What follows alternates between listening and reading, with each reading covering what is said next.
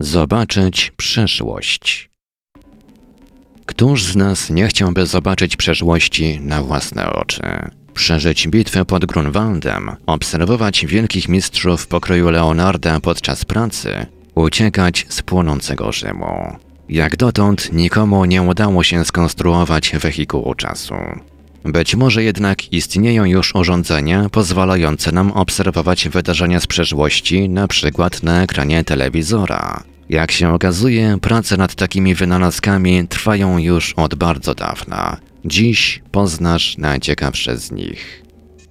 Jednym z takich urządzeń jest chronowizor, skonstruowany przez rzymskokatolickiego duchownego ojca Pellegrino Maria Ernetiego z Włoch, żyjącego w latach 1925 do 1994. Według ojca François Brine, księdza zajmującego się badaniem zjawisk paranormalnych, w budowę chronowizora zaangażowany był zespół składający się z 12 wybitnych naukowców, w skład którego wchodzili m.in. Agostino Gemelli, Enrico Fermi i Werner von Braun.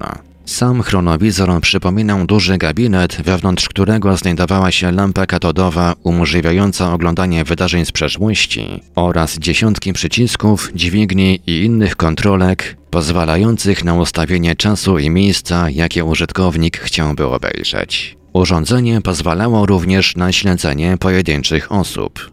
Chronowizor posiadał również wiele anten wykonanych z różnych stopów metali, które miały za zadanie wyłapywać wszystkie fale elektromagnetyczne i nie tylko, oraz jednostkę rekonstruującą, odczytującą zdarzenia z przeszłości.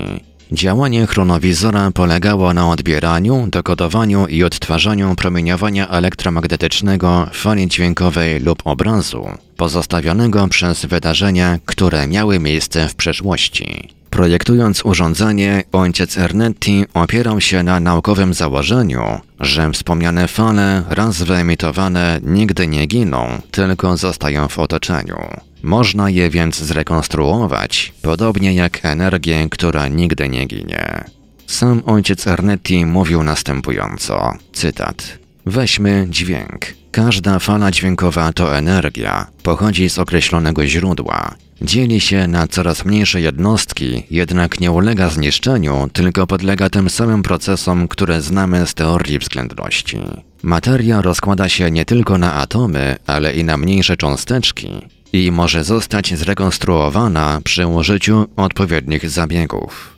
Jest to możliwe, ponieważ mamy do czynienia z energią. Do tego potrzebna jest odpowiednia aparatura, ale to już inna sprawa. Trzeba tylko pamiętać zasadę: energia nie ginie, tylko się zmienia. Powiedział ojciec Ernetti w wywiadzie dla gazety La Domenica della Corriere w 1972 roku. Z wywiadu możemy się również dowiedzieć, że ojciec Ernetti pracę nad chronowizorem rozpoczął już pod koniec lat 40. Ojciec Ernetti obawiał się, że jego wynalazek, dostawszy się w niepowołane ręce, mogłoby wyrządzić wiele szkódy. Dlatego milczał przez długie 14 lat i dopiero na kongresie w Liva del Granda w 1986 roku wytłumaczył, jak działa chronowizor. Wypowiedź wprawiła wszystkich w osłupienie. Ojciec Ernetti przedstawił nawet dziennikarzom plan konstrukcji chronowizora. Dzięki chronowizorowi możliwe było nie tylko oglądanie, ale i słuchanie wydarzeń mających miejsce w przeszłości. Jednym z wydarzeń, jakie ojciec Ernetti miał obejrzeć w chronowizorze, była premiera opery Tiestes, napisanej przed rokiem 169 przed naszą erą przez Quintusa Enniusa Calabera. Sztuka została odegrana na rynku, pod gołym niebem, niedaleko Kapitolu. Ojciec Ernetti, oglądając przedstawienie, skrupulatnie notował nuty i słowa, które później przetłumaczył. Tak udało mu się zrekonstruować operę, której do tej pory znane były zaledwie 25 wersów. Ernetti wiedział całą sztukę w pierwotnym wykonaniu i brzmieniu. Badaczka Catherine Owen Eldred poddaje jednak w wątpliwość autentyczność zapisu Ernettiego. Jej zdaniem ojciec Ernetti jedynie przepisał znane już wersje Tiestesa i dokleił do nich fragmenty z późniejszej o 250 lat łacińskiej wersji tej opery. Pani Eldred zwraca również uwagę na fakt, że zapis sporządzony przez Ernetiego jest znacznie uboższy poetycko niż znane dotychczas wersy z Tiestesa. We wspomnianej gazecie La Domenica della Corriere obok wywiadu z ojcem Ernettim umieszczono zdjęcie mające przedstawiać ukrzyżowanie Jezusa Chrystusa. Wkrótce po publikacji okazało się jednak, że fotografia została sfałszowana. W rzeczywistości przedstawia ona fragment figury Chrystusa znajdującej się w sanktuarium miłosiernej miłości w Kole Valenza. Te dwie wpadki oraz fakt, iż ojciec Ernetti nigdy nie pokazał publicznie swojego urządzenia, kładą spory cień wątpliwości na istnienie chronowizora. Benedyktyn jednak nie przejmował się tym i dalej kontynuował swoje badania.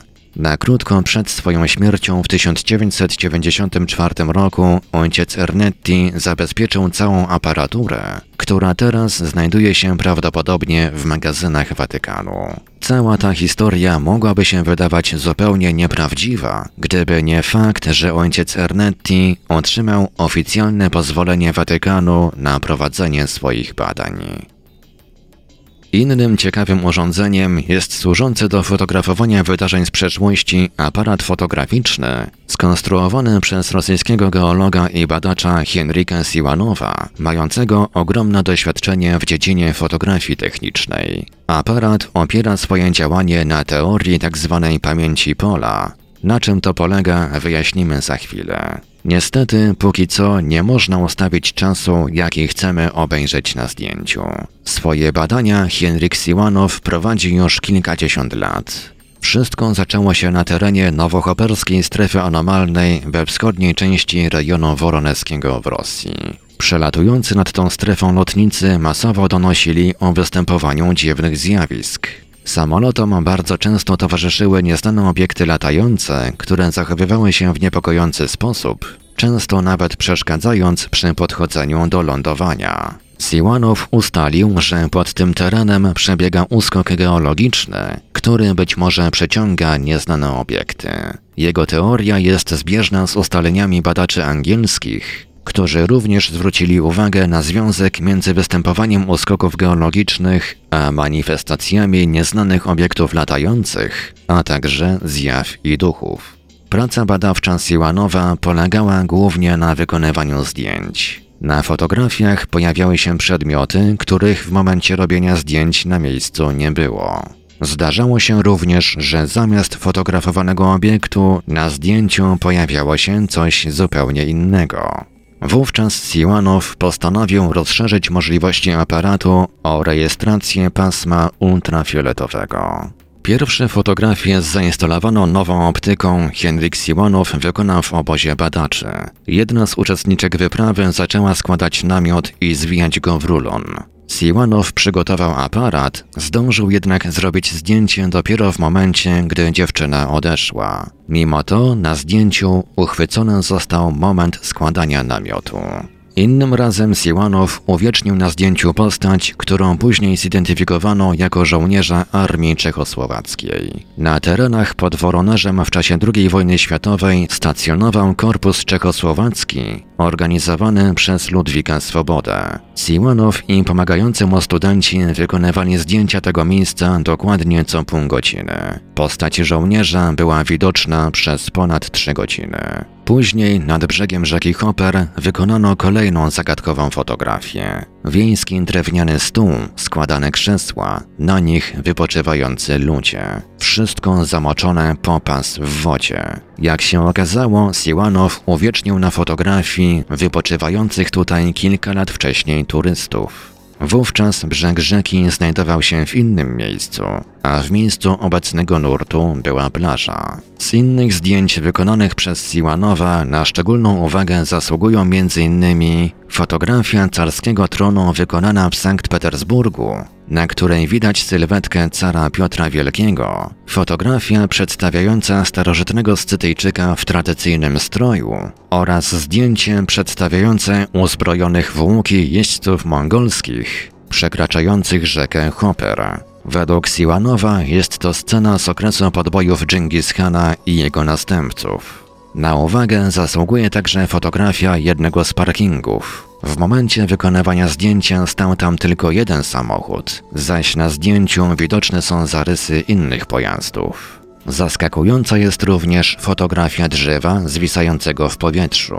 W trakcie swoich badań Henryk Siwanow opracował teorię tzw. Tak pamięci pola, czyli danych zapisywanych w energii Ziemi. Według Siwanowa w polu elektromagnetycznym Ziemi przechowywana jest informacja w postaci energii. Rejestrowane jest w niej wszystko, co dzieje się na świecie. Nośnikiem obrazów ma być ultrafiolet. Gdy zachodzą ważne wydarzenia, zwiększona porcja kwantów pozostawia w nadfiolecie wyraźniejszy ślad. Jest on tym wyraźniejszy, im ważniejszą rangę ma dane wydarzenie, choć ocena jego wagi nie zależy od nas. Przy wielokrotnych ekspozycjach tego samego miejsca nigdy nie udało się Siwanowowi utrzymać identycznych obrazów. Działo się tak również w sytuacjach, gdy pole informacji energetycznej pobudzano sztucznie generatorem o wysokiej częstotliwości lub polem magnetycznym o stałym napięciu. Przy takich samych parametrach pobudzenia zawsze otrzymywano różne efekty.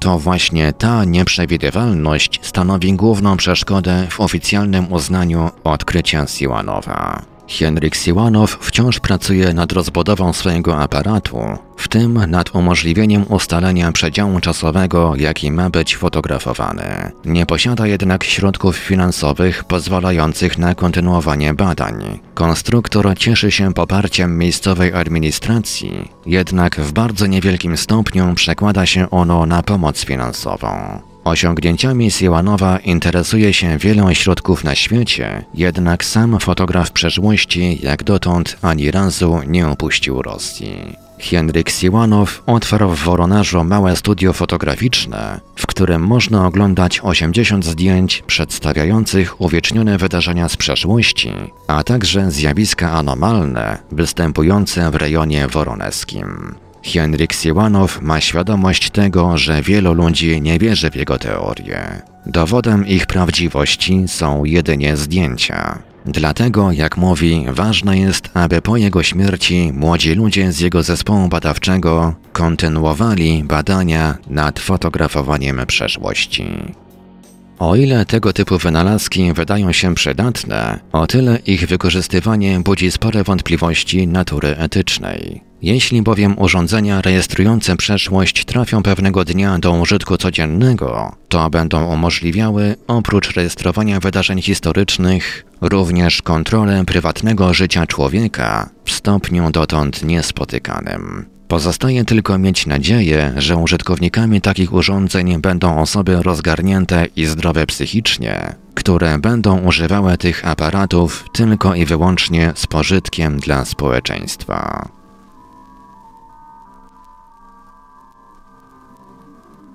Opracował i czytał Ivelios.